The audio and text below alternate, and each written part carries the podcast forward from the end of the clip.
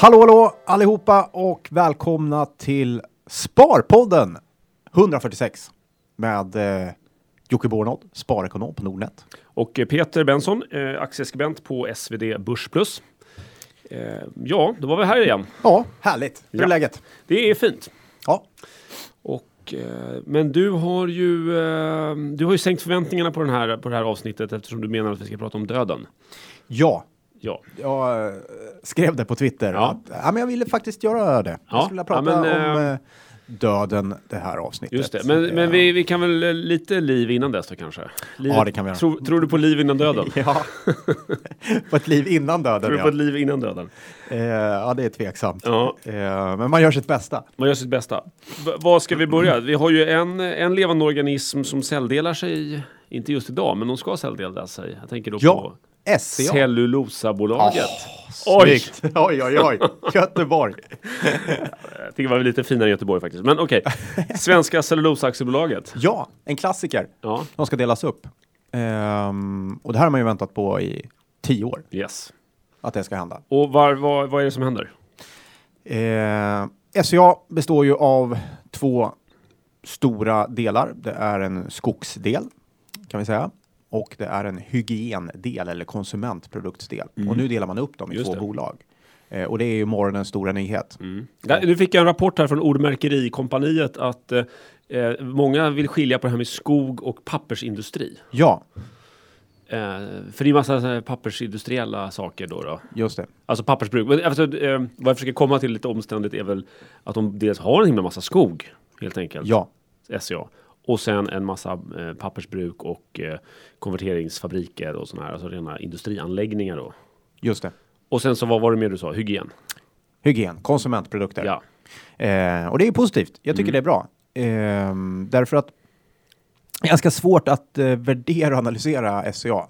Om man kollar på svenska analytiker, de tittar mycket på skogs och pappersdelen. Eh, och, och klurar på den och hur mycket ska skogen vara värd och, och så vidare. Medan utländska analytiker, de kikar inte alls på den. De ser bara SCA som ett eh, konsumentvaru-case och jämför med de bolagen. Och ibland har det sett ganska märkligt ut. Man kikar på de analyser som kommer in. Att Det är helt olika tankar och idéer vad det ska vara värt.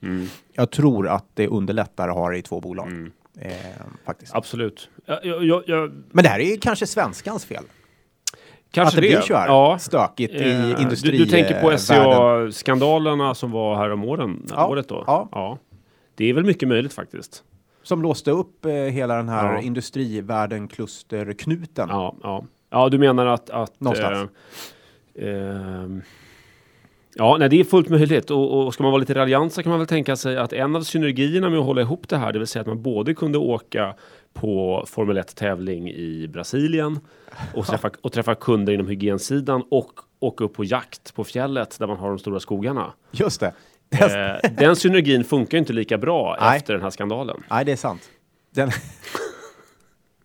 den är svårare nu. Ja, så, så, så, ehm, Så var, var skulle du vilja sitta? I hygiendelen och åka till Brasilien eller eh, i skogen och eh, upp och jaga i Härjedalen? Jag är ju en sån här asfaltsperson så att det, det här ju blir lite påklistrat. Men jag tycker att skogen känns ju mycket tuffare och roligare. Ja, Eh, eh, sälja toapapper och blöjor, för det är det det handlar om i allt väsentligt. Mm. Eh, nej men eh, för det är en annan kul grej att de lägger SCA då, då alltså så att säga skogsindustridelen eh, i, får ju huvudkontor i Sundsvall. ja. Eh, Det var länge sedan en uh, garnisons, vad heter det? Residensstad är det kanske va? Just det. Ja, en, en mellanstor svensk stad fick ett stort nytt huvudkontor. ja. Men med en stark skogstradition. Mm. Så det tycker jag, det är häftigt. Mm. Ja, jättekul. Och eh, väldigt positivt. Vi har pratat SCA ganska många gånger tror jag faktiskt Ja. i podden. Eh, och det är väl kul att det äntligen blir av nu. Mm. Eh, sen får vi se. Jag tror Holmen går upp ganska rejält idag. Eh, så det är de spekulationerna i full gång. Ja. Ska man slå ihop eh, SCA som skogsdelen kommer att heta Mm. eh, med Holmen och så vidare. Ja, men det öppnar upp för lite en ny spelplan. Mm. Nej, inte omöjligt. Det kommer ju också bli så att du får en, eh, en, en tydligare värderings eh, peer, som det heter på svenska, alltså en Ja. jämförelsepunkt då. För att du har ett, eh, eh, två, du, vi får två bolag som, som har stora skogsinnehav och eh, eh, pappersindustri eh, då. Eh, det har ju SE haft tidigare också, men då, det har ju skymts av den här stora hygiendelen som på slutet nu har ju varit, skulle jag påstå, den absolut största delen av eh, börsvärdet har ju varit hänförligt till hygienen. Ja, men det blir nog 80-85 procent skulle Ja. jag tro. Eh, Landar väl där. Men Eh, jag minns för bara några år sedan, då, då, då, då var det ju inte så. Nej. Utan då var, då var det väldigt väsentligt att fundera på vad den här skogen var värd. Ja, Eh, det är inte direkt oväsentligt nu då, men, men det är inte det som är grejen om den här aktien ska bli bra eller dålig. Alltså den, den, eh, det, det, dagens SCA. Eh, på, på de kursnivåer som har varit nu så är det inte skogsvärderingen som är avgörande utan det har varit mer hygiensidan. svårt att värdera den där skogen. Eh, jag gillar ju skog, men det är lite märkligt. Det är nästan som att vara ägare till en en större hyresfastighet Mm. i Stockholms innerstad värderas på ett sätt. Ja, Skulle det vara bestå av 35 olika bostadsrätter Mm. så skulle värderingen vara en helt annan. Det är lite grann med skog också. De här stora skogarna värderas på ett sätt, men små skogsfastigheter till exempel värderas ju mycket enormt högre. högt. Ja, visst. Eh, så det är lite knepigt. Men eh, spännande. Kul. Ja, det är Jag, eh, nu fastnar vi lite kring SCA, men jag gillar ju dem. Så jag tycker Ja, det, det är eh, Eh, spännande. Mm, nej, men, ehm, Och gratulerar Sundsvall till ett, eh, ett eh, huvudkontor. ja, verkligen. Vad har mer hänt då? Ja, lite märkliga saker. Eh, vi fortsätter lite på aktiespåret här. Ja. Svolder Mm. eh, är ju ett litet investmentbolag. Eh, som jag tror är ganska välskött eh, och mår ganska bra. Eh, men det värderas väldigt märkligt. Eh, framförallt A-aktien. Det finns en A och B-aktie i Svolder.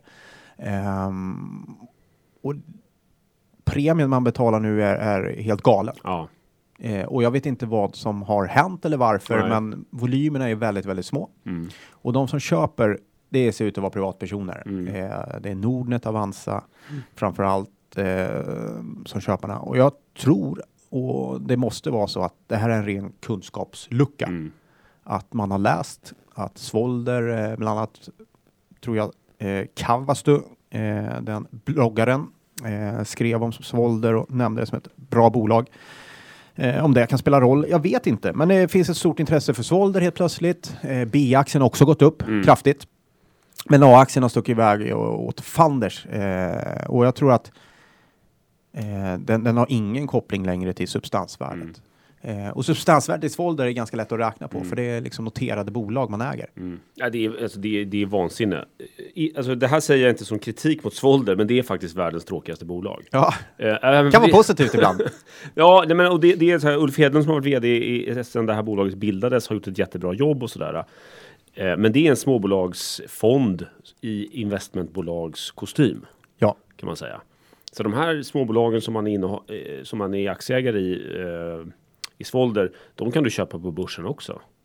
Ja. Och, och så fantastiska är inte så det är lätt att värdera bolaget. Ja, det är lätt att värdera bolaget och de har lyckats okej och gjort en okej, liksom, givit fin avkastning och sådär. Men så fantastiskt är det inte så att det ska vara någon premie på det här. Nej, och inte Eh. med 70 procent eller 100 procent eller nej, det har varit eh, Nej, helt galet. Nej. Så någonting är knas. Ja. Äger du Svolder A så tycker jag sälj dem och så Ja. köper du B istället. Jag tycker vi döper om det till, inte Svolder A, utan Svolder ADHD nästan. ja, för det, ja, det är galet. Nej, men det, är lite, det känns som lite puckat. Och lite märkligt att det kan bli så att inte någon av ägarna, man kan tänka att någon av ägarna i A kanske skulle kunna ställt sig på säljsidan Mm. bara för att det här inte ska kunna uppstå. För det är inga stora volymer, det är Nej. ingen som påverkar någonting utan bara stå där. Mm. Eh, Så det är en efterlysning. Ni som äger A-aktierna i Svolder, ställ upp er i orderboken så vi, vi in, väl, inte ett eh, gäng privatpersoner förlorar massa pengar. eh, Rolf Lundström och, och Öresund och lite sådana där va? Ja. Tror jag. Och då är vi inne på ett annat bolag. Öresund har också en, en hög, eh, inte så, inte en så här eh, katastrofvärdering, men eh, värderas också väldigt, väldigt högt. En Ja. hög premie i Öresund just nu, eh, som jag kanske har lite svårt att förstå. Eh, Mm. Men det är samma sak i Melker Schörling, alltså Mm. investmentbolaget. Ehm, har, har också eh, handlats med premie under väldigt lång tid. Och ibland Ja. en rätt hög premie. Ja, Eh, och, och där tycker jag det är lättare att förstå för Melker Schörling har ändå gjort fantastiska stordåd. Och Mats Kviberg kan man ju tycka vad man vill om. Men eh, jag tycker han är lite kul. Och han har ju en fantastisk aktieförvaltare. Mm. Eh, han men hur mycket är det värt? Hur mycket tycker du det skulle vara värt i Öresund till exempel? Att, eh, Nej, det är inte, alltså vad är det värt? Ja, men om, vi ska vara lite, om, om man ska vara lite krass så skulle jag tänka så här att, att eh, Kviberg eh, har väl fyllt 60 va? Någon får rätta mig om jag har fel. Eh, det har han absolut gjort. Så han kanske har 10-15 bra år kvar. Mm. Och vad kan han tjäna in på de där åren som utöver börsen? Han kan väl tjäna in ett par procent om året kanske. Men, Ja. men att ta hem allt det där dag ett här och nu och bara liksom, det verkar ju vansinne. Ja. Så en liten premie tycker jag nog att han kan vara värd Ja. alla gånger. Eh, men men eh, 10 procent kanske.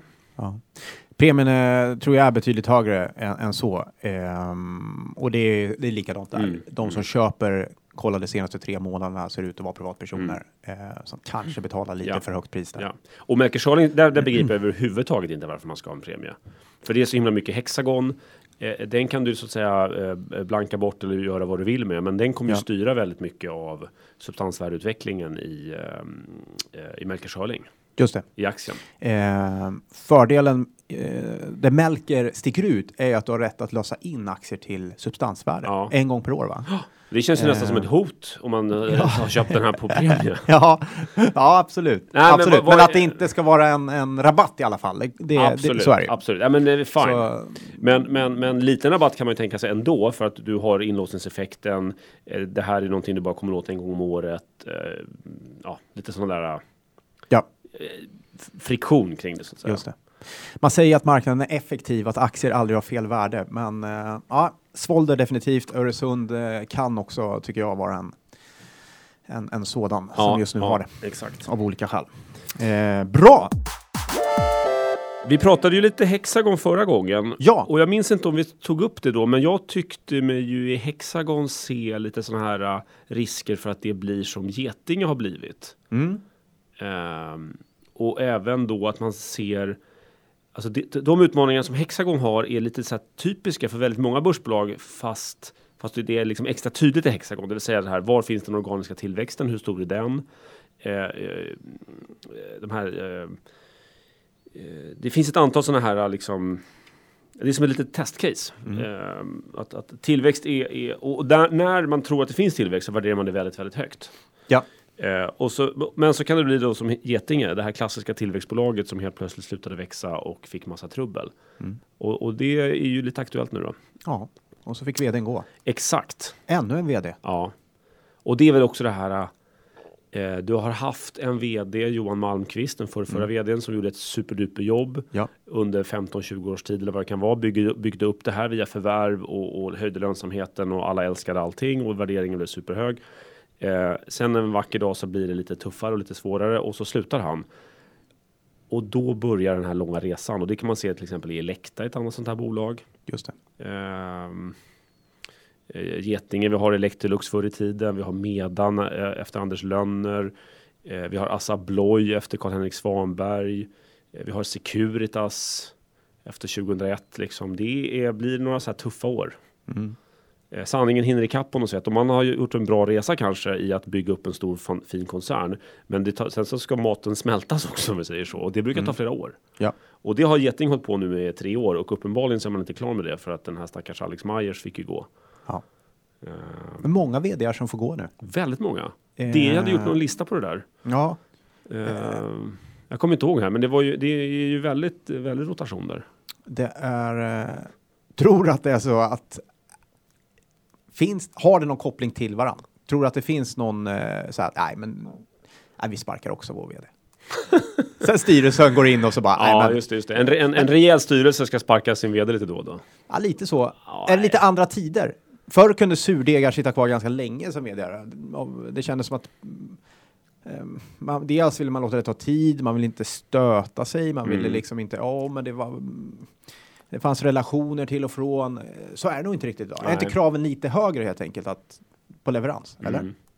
Det kan nog vara så. Och, och, och samtidigt, jag vet inte om det är lättare för en vd att leverera idag. Det är det ju inte tror jag. Utan, men, men däremot så kanske det är, så här, det, det är en kortare väg från avsaknad av leverans oavsett anledning till att folk börjar peka finger och säga du är dålig och Ja. det här är fel och, och att det blir ett blame game av det hela. Mm.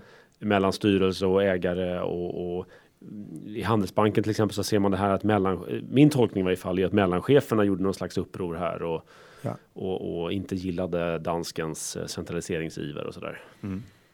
ja. Eh, Vi får, och, se om det, vi får se om det fortsätter. Om det kommer fler Ja. vd-huvuden som ska rullas. Ja. Nej, och det är ju, E- Ericsson är ju också en sån här uh, aktuellt case. Mm. Han har ju kanske fick väl sina... Han, han fick ju sitta rätt länge som vd Hans Westberg. Ja. Eller Hasse som alla säger. Hasse. ja. Ja. Eriksson, du har skrivit en eh, analys om dem. ja, men vi skrev en liten analys här faktiskt och eh, jag tycker det är jättesvårt case för att den har fallit från 110 spänn till cirka 60. Ja. Eh, jag hade någon slags sälj på den när den stod i 90 för ett år sedan och, och sen så föll den ner och sen så jättemycket och sen så drog den iväg då upp till 110. Ehm, och nu är den nere på 60 ungefär. Och det ser ju rätt billigt ut. Mm. Eh, Om man tänker på, på mätning mot omsättning eller vad ett sånt här bolag borde kunna tjäna. Eh, om de får upp marginalen till en 10% så ser det här jättebilligt ut. Eh, problemet är att även konkurrenterna ser ganska billiga ut. Eh, Nokia som håller på att gå ihop med Alcatel Lucent, de, där, där, där anar man att man skulle kunna tjäna en 12, 13, 14 procents marginal. Skulle Ericsson komma i närheten av det, vilket man kan tycka att varför inte det, men det är ungefär samma, Ja. samma typ av verksamhet, då, då är det här ett, då är aktien ett fynd. Men jag kan tycka att Ericsson har så fruktansvärt mycket problem. Ja. Borde de inte värderas lite lägre än vissa konkurrenter? ja.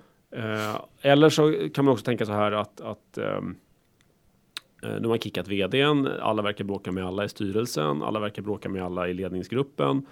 Man håller på att omorganisera av oklara skäl. Eh, man ska spara massa kostnader men det finns ingen riktig fram, framtidsplan. ja. Ehm, det kan nog bli, bli, bli brunare innan det, innan det blir ljusare så att Ja. säga. ja. Så att, jag vet inte, men, Nej. men det, det är frestande billigt men, men eh, ja, vi får väl se. Man ska nog vara beredd på en ganska skakig resa Ja. framåt. Ja. Eh, Det lär nog fortsätta pratas Ja. mycket Ericsson. Ja. Det, det kan vi konstatera. Definitivt. Eh, och att det allt mer blir en uppköpskandidat, det tror jag också. Ja, Det tror jag tyvärr faktiskt. så är det nog så. Eh, det är alltid så när ett... Eh, ja men det är det där. Ericsson var under många, många år längst fram i flocken Ja. eh, och de som ledde racet. Men nu, Mm. nu är man lite halt eh, Mm. och, och går lite sådär vid sidan av flocken. Mm. Och, och någon slags byte. Så att, Mm. Vi får se. Eh, Mm. men eh, de ryktena lär inte, lär inte tystas i alla fall. Nej, det tror jag nej. Däremot så är kanske inte Cisco i, i slagläge riktigt. De, de talar ju Verkar ju själva om också ha det väldigt tufft. Som, som, att de har stora problem och så. Ja, det blir spännande att följa. Ja. Eh, ja, det händer mycket. Mycket Yes. aktiesnack. Eh, men eh, det Har vi närmat som... oss livets slutskede nu? Ja, du ser. Oj, Jag tror att... Eh, Jocke hostar blod där nu. vi, Nej, vi, förlåt, vi, svamlar, vi svamlar ju på här bara för att slippa prata om det. Det är ju jobbigt att prata om eh, döden, Just det. tycker jag. Hur, hur, hur tänkte du kring det här ämnet? Jag, eh, nej, men jag tänkte på det själv faktiskt i somras. Mm. Eh, så satt jag hemma och så funderade jag lite grann på du vet, man börjar rota i papper och, och, och sådär. Och så funderade jag lite grann på om jag... Eh, ja, det var massa skäl som gjorde att jag kom in på döden faktiskt. Men, men det är så här, vad händer om jag dör? Mm. Vad händer med Erika och barnen? Ehm, klarar de av att bo kvar Mm. här? Ehm, har Rika koll på alla mina saker som jag pysslar med? Eh, konton och depåer och Mm. allt vad det är och, och sådär. Så började jag tänka på det och sen tänkte jag på det, de kunder man har nu eh, och de kunder jag har haft så är det all, nästan aldrig någon som har ställt frågan kring eh, den här. Det är väldigt sällan man får Mm. frågan om döden och vad som händer när jag dör. Mm. Eh, nu pratar jag inte om eh, livet efter detta utan vad som händer med mina ekonomiska eh, åtaganden när jag dör. Mm. Man vill inte prata om det tror jag. Nej. Har du, har du koll på det? Känner du att du... Om, om jag har koll på det? Mm. Eh, jag har väl kanske lite mer koll än snittet vill jag inbilla mig. Eh, men eh, jag har faktiskt ett halvskrivet testamente men som jag inte riktigt orkat gå i land med. Eh, Jag har inte Nej. liksom ringt juristen bara riktigt ännu och sådär. Och börjat fundera lite kring eh, vissa saker. Eh, men det tror jag hör till ovanligheterna. Verkligen. Faktiskt. För det tror jag är nummer ett. Eh, jag har tre punkter Mm. som jag brukar ta med kunderna. Som vadå? Eh, Som man, sk- praktiska man- saker som man ska tänka på? Ja, och jag tänkte idag så kommer Ja. jag inte gå in så mycket på detaljer och, och sådär. Därför att jag är ingen jurist. Eh, och ibland kan man behöva en jurist. Eh, och det finns extremt mycket detaljer, vägar att gå eh, och så vidare. Så det är svårt att ge Mm. Gen- generella råd. Men det första är just den här frågan. Att ställa sig själv. Vad händer om jag skulle dö? Mm. Det är oundvikligen så att vi kommer att dö. Mm. Eh, och problemet är att man vet inte när. Mm. Eh, vi hoppas alla att vi lever tills vi blir 100. Men det är inte sannolikt att vi alla gör det. Ja, jag hoppas inte det, men strunt samma. Ja. Eh, frisk hundraåring. Ja. Ja. Eh, och sådär va. Men eh, döden kan eh, komma plötsligt och vad händer om jag dör? Det är jättebra fråga att göra det eh, och ställa sig den frågan. Mm. Och, och då kan man tänka sig, då pratar vi om ekonomi och då pratar vi om eh, vad händer till exempel med eh, om jag har ett sparat kapital? Mm. Hur ska det fördelas? Eller hur kommer det fördelas? Mm. Framförallt om jag dör. Eh, hur är det med mina pensionsförsäkringar? Mm. Tjänstepension till exempel, vad händer med den? Eh, där finns det alternativ att det kanske går tillbaks till kollektivet. Mm. Eh, eller är det så att det betalas ut till anhöriga? Mm. Har jag några försäkringar som faller ut? Eh, och till vem? Mm. Eh, viktigt.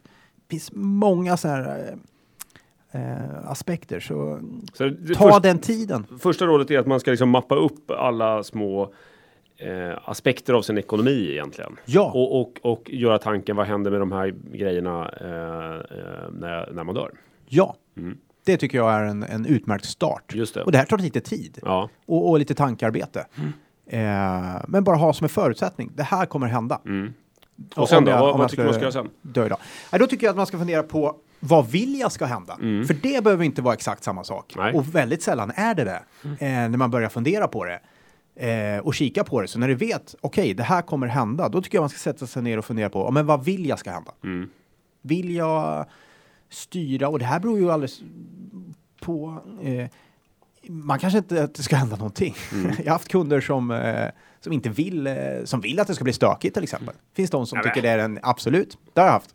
Är det så? De vill ha den sista, sista hämnden. Eh, jo, det finns faktiskt sådana som har haft någon slags önskemål om att det ska bli stökigt. Hemskt. Ja, det är det ju. Ja. Det är ju tragiskt. Ehm, men oftast finns det ganska ofta som vill eh, kunna styra arvet. Att man Mm. inte vill att eh, en närstående ska ärva till exempel. Det är inte helt ovanligt Mm. eh, av olika skäl.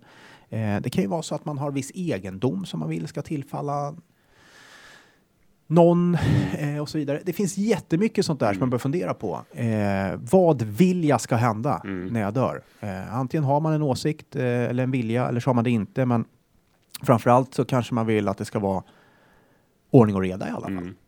Eh, och Men jag det- tror att det här är... Men det klassiska är ju att, att det blir bråk eh, väldigt ofta och det har inte att göra med hur stort dödsboet är, hur mycket pengar som finns, utan att det är någon, eh, någon gammal gungstol som det är mycket känslor investerat i och vem Ja. ska få den och eh, hur blir det med det här matsilvret eller den här eh, det- sommartorpet eller kan bli enormt mycket bråk och det blir Ja. det också. Och, jag har haft dödsbon som har eh, där det har varit eh, extremt mycket bråk Mm. faktiskt. Ehm, och det är ju väldigt synd och det är ju Mm. väldigt uppslitande och oftast blir det ju det därför att man är i en situation som är jobbig från början mm. Och sen ska man börja hantera ekonomiska frågor och jag tror att det är och så bubblar det upp massa, massa eh, spöken från det förgångna så att säga. absolut. Så Ja, testa- lillebror fick alltid så mycket lättare för Exakt. sig. Och, Exakt. Till exempel sådana saker. Men det här, vad vill jag ska hända? Testamente är ju ganska Mm. centralt. Fler skulle skriva ett testamente. Mm. Det är en, en bra sak att skriva. Du, du har börjat, jag har Mm. inte skrivit, jag Mm. borde skriva ett testamente. Ehm, och det, det, det kan vara bara för att säkerställa att en- ens vilja eh, går igenom. Mm. Nej, men I mitt fall så jag tänker sådana här saker som skulle, skulle man dö nu så kommer jag ha små barn och eh, eh, man vill inte att de. Jag tycker inte att, att, att allt för unga människor ska få allt för mycket pengar kort sagt. Nej. Ja, men det, det finns ingen poäng med det liksom helt Nej. enkelt, utan, utan det, det är till ett boende eller till en dyr utbildning eller någonting sånt där och, och då vill man i möjligaste mån eh, skydda dem från från eh, eh, från det tills de når en viss ålder. Och sen är det ganska mycket den här så att säga, processen kring hur man vill att saker och ting ska hanteras. Inte att eh, vem som ska få vad eller styra massa detaljer långt in i framtiden, men mer. Jag jag tycker det kan vara ganska klokt att kanske fundera på hur vill man att alltså, eh, saker ska fördelas? Om man tror att det finns känslor kopplade Ja. till olika saker. Och då behöver man inte sä- säga att pryl, eh, den här gungstolen ska gå till Lotta och den här eh, bordet ska gå till Lasse. Utan, utan man kan ju bara säga så här, så här, så här vill jag, så här skulle man kunna lägga upp processen. Att man har, eh, man går runt och, och, och eh, ordet ordet off eller, alltså förstår ni? Det, Ja. man, man kan ha olika liksom, system för det där. Absolut. Som jag tror kan bespara massa bråk, kort Mm. sagt. Eh, sen har jag faktiskt lämnat efter mig ett boktips. Ja. Ska jag dra det? Ja. Eh, det finns en bok som heter ehm, eh, eh, han heter Charlie, vad fan heter han? Charlie Svensson heter han va? Eh, och har förvaltat pengar åt om det är Yale eller, eller eh, Okej. Princeton eller något sånt där. Eh, och han har skrivit en jättebra eh, bok som heter the Loser, Winning the Losers Game. Otroligt bra bok. Och den är skriven typ för förvaltare av pengar, vare sig det är mycket eller lite. Eh, och och det, det, det handlar inte om att bli liksom en aktieexpert som ska försöka slå index, utan det handlar om hur man ska tänka kring att förvalta ett kapital på ett klokt och intelligent sätt utan att det blir betungande och utan att det blir liksom ehm, eh, heller för slafsigt och dåligt. Ja.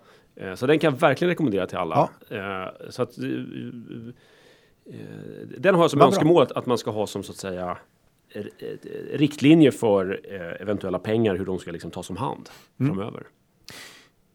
Eh, Det, det är ju bra. vad- Att det, för den van, det Ja. nästan det vanligaste man vill Ja. om man har ett kapital sparat. Ja. Det är att man vill gärna styra det även efter sin död. ja, Eh, det, är en, det är en tanke som ganska många frågar efter. Hur kan jag... Man har en ganska stark åsikt om hur det förvaltats. Oftast kanske man varit lyckosam och det har vuxit. Då vill man gärna att nästa generation som Mm. ärver ska föra det vidare på samma just sätt. det, just det. Men jag, jag tänker inte Eh. på testamentet som regler, utan jag tänker på, det finns ju regler också så att säga, det finns ju laglott och massa lagstiftning kring det där, men det kan ju lika gärna vara så att säga eh, råd på vägen. Ja, och, det är nog bättre. Ja, Jag tror att och det kan folk vägen- göra hur de vill med. Och, och, och i mitt fall så tycker jag väl kanske att det är klokt att följa de här råden tills, tills eh, eh, om vi tar barnen då, att de är så pass gamla att det, att det är relevant för dem att använda pengar. Absolut. Ärvda pengar. För Och jag tror inte- att man, ja. man ska tänka på, om man nu vill eh, tvinga in så att säga Mm. eh, någonting, eh, så finns det olika sätt att göra det på. Vad man måste tänka efter, ja, det är konsekvenserna av det. Mm. Eh, och det, tyvärr tror jag inte alltid man gör det. Eh, det finns ju vissa saker som kan få en enormt stor konsekvens. I Sverige har vi fideikommiss fortfarande. Eh, att du alltså, Mm. Ja, det är inte många kvar nu. Eh, nej, men det finns några stycken. Man kan inte införa det eh, på nytt, men, men det finns några kvar. Och enkelt förklarat så innebär det ju att det är ju en person i eh, arvs... Eh, eh, vad ska man säga? Följden som, Mm. som tar över en fastighet då, till exempel. Eh, och det är ett sätt att hålla ihop gårdar. Enkelt förklarat, Mm. förr i tiden. Eh, så till exempel äldste sonen alltid ärver gården. Och mm, tar alltihopa, Mm. i princip. Eh, och så får man... Eh, Jag tror fideikommissanhängarna skulle inte säga att äldste sonen ärver den, utan äldste, son, äldste sonen förvaltar den till Ja. eh, generationen efter. Så är det ju, Så det absolut. nog Och så är det ju i och för sig. Ja. Och det är tanken med det. Och, Just det, det. och eh, bakgrunden, ja det är klart att eh, skulle man splitta upp de här gårdarna så skulle de inte bära på samma sätt och så Nej. vidare. Så att det, det finns en, en vettig tanke bakom det också. Men det får väldigt stora konsekvenser om du är född som nummer två.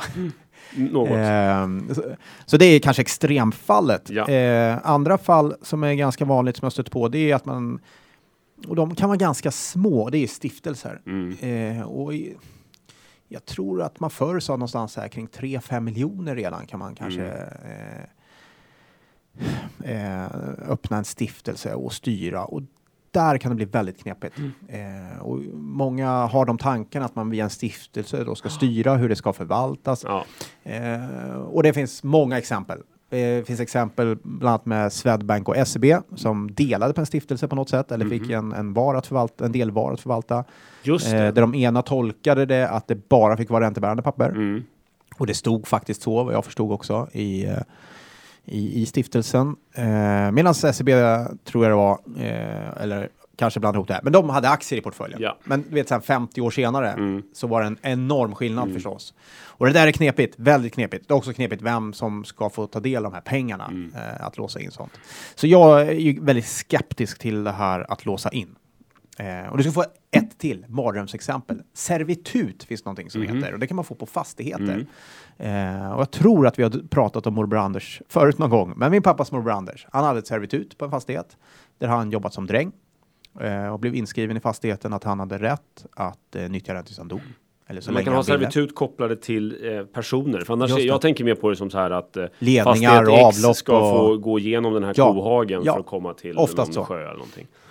Men här var det en, eh, som en gåva till honom. Eh, för lång och trogen tjänst. Livstidsdisponering liksom. Ja, problemet var ju att Anders blev väldigt gammal Ja. och var frisk eh, Ja. tills han dog. Han flyttade aldrig in på ett hem. Nej, kul Så han honom. bodde här på den här gården tills han kanske var 95. Ja. Vilket eh, gjorde att ägarna till gården var ju inte de som hade gett servitutet. Mm. Utan det var ju eh, barnen. Mm. Eh, som var väldigt, de var ju i 75-årsåldern Mm. när de väl kunde flytta in i huset. Eh, så det kan bli märkligt. Mm. Så tänk på konsekvenserna när vi låsa in eller eh, styra arvet efter dig. Eh, Men, men, men tycker du att... ehm, eh, känner du att du själv borde skriva ett testamente? ja, det tycker jag. Ja. Och då har du ingen, om vi ska vara sådana, du har ingen komplicerad familjebild med olika fruar och barn och... nej, det har jag inte. Nej. Eh, men det finns... Eh, Du drar på svaret, men... eh, okej. Ja, jag var tvungen att tänka, jag var tvungen att tänka efter. Har jag godkänt? Är det legitimt? Ja. Nej, ehm, nej, det har jag inte. Jag har Nej. en, inte en komplicerad eh, bild Nej, alls. Och det är eh, inte jag heller, men jag tycker ändå... då tyck, men men förklara, varför ska man egentligen hålla på med testamente? Det verkar nästan lite töntigt om man då som vi har enkla familjebilder än så länge. Ja, eh, nej, men det är väl ett bra sätt att förtydliga eh, hur man vill att det ska funka och Mm. kanske också förklara lite hur det är upplagt och, och vad det finns och sådär. Så att, eh, sen kan det ju finnas skäl. ehm, om man tar andra skäl som kan så här. Jag läste om SCB skrev det häromdagen att eh, till exempel om du är bosatt utomlands. Mm. Eh, nu är ju inte vi det, men det är många, eh, framförallt äldre personer som bor kanske i Spanien eller Portugal eller vad det än vara må. Ehm, kan man kanske skriva in i testamentet att dödsboet ska vara här i Sverige? Mm. Eh, det finns massa sådana här eh, detaljer som man Just kan det. tänka på. Eh, och det är förhoppningsvis, den här frågan, vad händer när jag dör? Ja, den, den ska liksom Mm. eh, få dig att hitta de här detaljerna som du behöver tänka på kanske. Just det. Eh, så vad vill jag ska hända? Ja, det finns massa saker att, fundera på och det är väldigt individuellt. Eh, men ett eh, testamente är ofta bra att skriva och kanske allra bäst för att du själv får tänka på det Mm. och tänka igenom det. Eh, och göra ett grundligt arbete. Just det. För annars så skippar man gärna Mm. det. Men det viktigaste, och det är nummer tre, ja, det är ju att meddela vad du kommer fram till. Ja, det är Eh, klokt. tycker jag. Ja. Och tycker du man ska göra det på ett annat sätt än i själva testamentet? Ja, jag tycker gärna att man, om man har, eh, jag tycker man ska vara öppen med det. Ja. Vad som Redan händer. innan? Absolut. Ja. Det här händer när jag dör. Eh, och gå igenom Mm. med eh, de anhöriga Mm. som kommer eh, drabbas, inte bara av att din bortgång utan Mm. också att ta över eh, din ekonomi. Och här beror ju alldeles på hur avancerat det är. Men eh, ekonomin kan ju vara, det kan ju vara så att du är egenföretagare till exempel. Mm. Ja, då är det ett gäng affärskontakter som också berörs av din bortgång och sådana saker. Eh, men gå igenom det här. Kanske skriv upp en lista på telefonnummer. De här behöver vi kontakta. Det här är ju sjukt obehagligt. Det är ju värdelöst på många sätt och vis att sitta med det här. Men gör det, därför att det är så otroligt underlättande Mm. den dagen det händer. För när det händer, då, då tror jag inte man vill fokusera överhuvudtaget på det praktiska. Mm. Så om du kan underlätta allt det praktiska runt omkring dig, att slippa tänka på det. Mm. Ja, det är en service till de efterlevande. Det är en service till de efterlevande. Så kan man eh, fokusera på det tragiska som har hänt istället och bearbeta det. Mm. Ehm, så jag tycker det, att meddela vad som händer. Och så dokumenterar man det. Det kan vara testamenten, det kan vara olika eh, listor som eh, vart du ska ringa och så Mm. vidare. Och, och sen ser du till att ha det fysiskt. Det kanske går att göra elektroniskt också eh, Mm. på någon, någon, eh, något ställe. Men att eh, alla är medvetna om var det här finns. Jag är ju stor förespråkare av bankfack. Mm. Eh, jag vet inte om man får säga det här i Nordnets, Nordnets podd. Men jag gillar Ja, bankfack. härligt old school nu. Ja, det är väldigt old school. Men jag gillar det. Därför Ja. att eh, det är väldigt Fysiska tydligt. premieobligationer, är det Ja, nästa steg? Ja, eh, nej, men det är inte så dumt. Det här är inte papper som du kikar på i varje Nej, dag. Eh, och det finns andra eh, saker som man kanske kan ha i ett bankfack också. Eh, men det är ganska bra. Alla, du kan vara väldigt tydligt. Mm. På, på det här bankkontoret där finns det ett bankfack. Här ligger alla papper. Mm. Liksom. Och sen kan man se över det en gång per år om det behövs eh, fräschas upp eller om man ångrar sig eller ändrar sig. Mm. Eller, det kommer hända många saker innan man dör. Men så det här är ett levande dokument. Ett får levande man säga dokument. så. Ja, ja. får man sådär. ja. Men viktigt. Och inte kludda ner en, en testamente på en servett. Eh, för det är det här med att det ska bevittnas och så vidare. Mm. Eh, hette han Harry Shine? Eh, eh, ja, det fanns någon som hette Harry Schein i varje fall. som dog och där man hittade testamente under en bordsskiva. Ja, men var det inte någon bedragare? Jo, det var ju en bedragare. ja, att- men som vann stökigt. till slut och fick massa miljoner. Stökigt. Eh, Var det den här fantastiska villan som det. bråkade om? Eller? Mm. Typ någon, någon, om jag minns rätt, någon, någon hantverkare. an slash granne. Ja, kanske. så kanske det var ja. Ah, märkligt. ja för jag har en annan historia. Ja. Eh, någon gammal dam som bodde i någon stor villa värd mycket pengar och eh, eh, hon hade en hantverkare som kom och hjälpte henne med ditt och datt och dutt. Och, och det slutade med att han på något sätt stod på någonting som såg ut som ett testamente. Ja, se där. Eh, och det var en hemsk historia. Ja. Ehm, där det slutade med att de, de, de riktiga arvingarna fick liksom pröjsa den här hantverkaren flera miljoner. Ja. Ehm, och ingenting tydde på att det var avsiktligt från den här um, damens sida. ja. Nej, märkligt. Ja, mycket märkligt. Men, men så att, Eh. eh, spännande. Jag har en sak till också och och det är det närmast anhöriga. Är det så att det är ditt testamente och det pratar om ett större belopp Ja, eh, och du har något, eh, eh, om du har eh, testamenterat det till någon eh, som inte är nära anhörig. ja, Det kan vara en, en eh, förening. ja. Eh, det kan vara ett, ett byalag i någon gammal by du vuxit upp i, eller kan vara en kyrka, eller det kan vara precis vad som helst. Det, det kan vara ganska bra att de vet om det. Det kan bli ganska märkligt. Där kan jag också känna ibland att Vilka? De, de, de, de, de biologiska anhöriga eller eh, byalaget? Nej, byalaget kanske, Ja. eller föreningen eller eh, sådär. Just det. Eh, att eh, det inte dimper ner som någon eh, märklig överraskning kanske. Mm, Det kan vara bra att känna till det. Just det. Eh, det är väl jag. många som inte vill, eh, eh, vill att folk ska gå och önska livet ur en kanske. Nej, så kan det vara. Man, man väljer Ja. själv. Ja, Man väljer ja. själv. Man kan hålla det helt hemligt också. Men eh, om man vill. Mm. Men se till att de anhöriga i alla fall vet var grejerna finns. Mm. Det kanske är det allra viktigaste. De måste inte eh, veta exakt vad det står, men att de vet var det Mm. finns. Och, och vad de...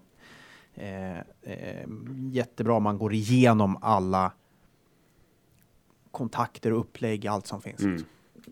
Eh, tror jag är bra. Ja, det är nog bra. Men vi, vi, vi svenskar är väl vansinnigt dåliga på det här med döden. Jättedåliga. Vi hatar ju två saker. Det är ju att prata om döden Ja. och vår egen ekonomi. Eh, och, och här ska man kombinera det. Det, det är mardröm. Eh, och därför tror jag inte vi gör det. Eh, Mm. Ja, och sen så har du massa, massa knöliga rättvisaspekter också. Ja. Så folk tycker det är väldigt, det blir lätt väldigt känsligt. det är väldigt känsligt. Eh, För man kan ha olika bild av det där. Det är jättesvårt. Är det, är det den som har haft det extra tufft som behöver en extra dusör eller ska Ja. man bara dela allting jämnt eller hur, vad är rätt liksom? Vad tycker du? Nej, Jag tycker att det är, jag tycker att det är subjektivt. Ja. Ehm, jag tycker det är subjektivt. Jag menar, eh, man kan argumentera för att allt ska delas jämnt. Man kan argumentera för att, för att eh, någon klarar sig fantastiskt bra på egen hand och, och då kanske det finns någon annan som har det väldigt tufft av olika skäl. Självförvållat eller inte och att den, den, den arvingen kanske borde få lite extra. Ja. Eh, det- är jag tycker det är helt subjektivt. Yes. Och, och, och då får man väl som, som, som ehm, då får man väl stå för sin uppfattning. Om man tycker någonting så får man väl skriva in det i testamentet och, och, och förklara att så här vill jag att det ska bli. Eller så får man eh, leva med att det blir bråk efteråt. Och det är inte så kul. Leva med att det blir bråk efteråt. Nej, men det, alltså, under sitt liv förlåt. så, så, Ja, så kanske absolut. man, om man tänker på saken så kanske man förstår att det här kommer bli känsligt. Hur ska vi göra med sommartorpet? Jag har inte gett någon typ av guidance. Det finns ingen, ingenting genompratat om det här. Nej. Eh, det kommer säkert bli bråk. Ja. Eh, och, och alla som har barn i olika kullar och olika eh, fruar eller män och hitan och ditan. Det ökar ju riskerna exponentiellt. Ja. Här är känsligt och jag tycker ändå eh, som en sista punkt, det är att nu pratar vi om din egen eh, ekonomi och så vidare. Jag, jag tycker det är okej att fråga föräldrar. Faktiskt. Jag tycker det är bra att göra det. Mm. Om inte de själva tar upp det så tycker jag faktiskt att man, man kan fråga sina föräldrar och försöka göra det på ett bra sätt. Mm. Eh, för vissa kan det vara väldigt känsligt och det kan tolkas på alla möjliga sätt och vis. Men, men försök att göra det bara, vad händer här Mm. nu? Är det något jag bör känna till? Ehm, var finns test, finns det testamente? Var finns det? Och så vidare. Jag tycker man ska göra det. Mm. Det här Ja, är, det är, väldigt känsligt känner jag. ja, det är otroligt känsligt. Man kanske, ska, Eh, man kanske ska, nu, nu, kan, nu lämnar vi kanske lite Sparpodden Men det är svårt- här. Men, men man, kanske att, kan, eh, man kanske kan börja prata om så här, ah, har du tänkt på din egen begravning? Vilka salmer och sådär? Så kan Ja, man komma in den vägen. Absolut. Eh, Eller, eller blir vi för personliga nu? Eller, eller blir vi för, ja inte vet jag. Det där är ju jättesvårt. Ja, är man märker ju det på oss också när vi Ja. pratar om det. Man vill nästan helst bara skämta bort det. Ja, Eh, och det är jobbigt. Men jag, jag tycker det underlättar Ja. om man vet. Och framförallt då till, eh, igen, eh, prata med någon nära och kära om det. mm. Eh, ska vi göra en snabb eh, sammanfattning? eh, väldigt snabb. Mm. Egentligen tre saker jag tycker man ska göra. Det är fundera själv. Vad händer om jag dör? Mm. Gå igenom det. Det här kommer ta tid. Eh, Men gå igenom alla detaljer. Vad händer? När du vet om det. Två. Vad vill jag ska hända? Ska jag ändra på någonting? Ska jag teckna någon försäkring? Mm. Eller ska jag skriva om mitt testamente? Och så vidare. Tre. När du vet, du känner att du har koll på läget. Berätta då i alla fall så mycket du vill. Ja. Men eh, i alla fall var informationen finns. Mm. Om det är en, en eh, om man kan göra det elektroniskt eller om man har det i en eh, perm eller Ja, vid ja. skrivbordet. Eller om det helt enkelt är ett bankfax som jag föredrar då. Eller som Harry Schein, fasttejpat under ett Ja. bord. Exakt. Ja. Det är det viktigaste tycker jag. Ja, det är klokt. Eh, så tänk på det. Mm. Det finns, eh, du märker själv hur komplext det blir. Är det för komplicerat? Fråga efter hjälp. Det är värt att ta in en jurist Mm. eh, om, om det är en komplicerade frågor. Eh, och jag tror att gör du det jobbet så är det nog en rätt fin gåva till de som eh, efterlevande. Mm. Eh, att det är ordning och reda eh, och att man slipper tänka allt för mycket på det. Mm. Det Ja, var... Med dessa dystra ord. Ja, det var Sparpodden 146. Om döden. Märklig podd. Eh, ha det gott. Ja. Vi syns nästa vecka. Vila i frid. Ja, hej.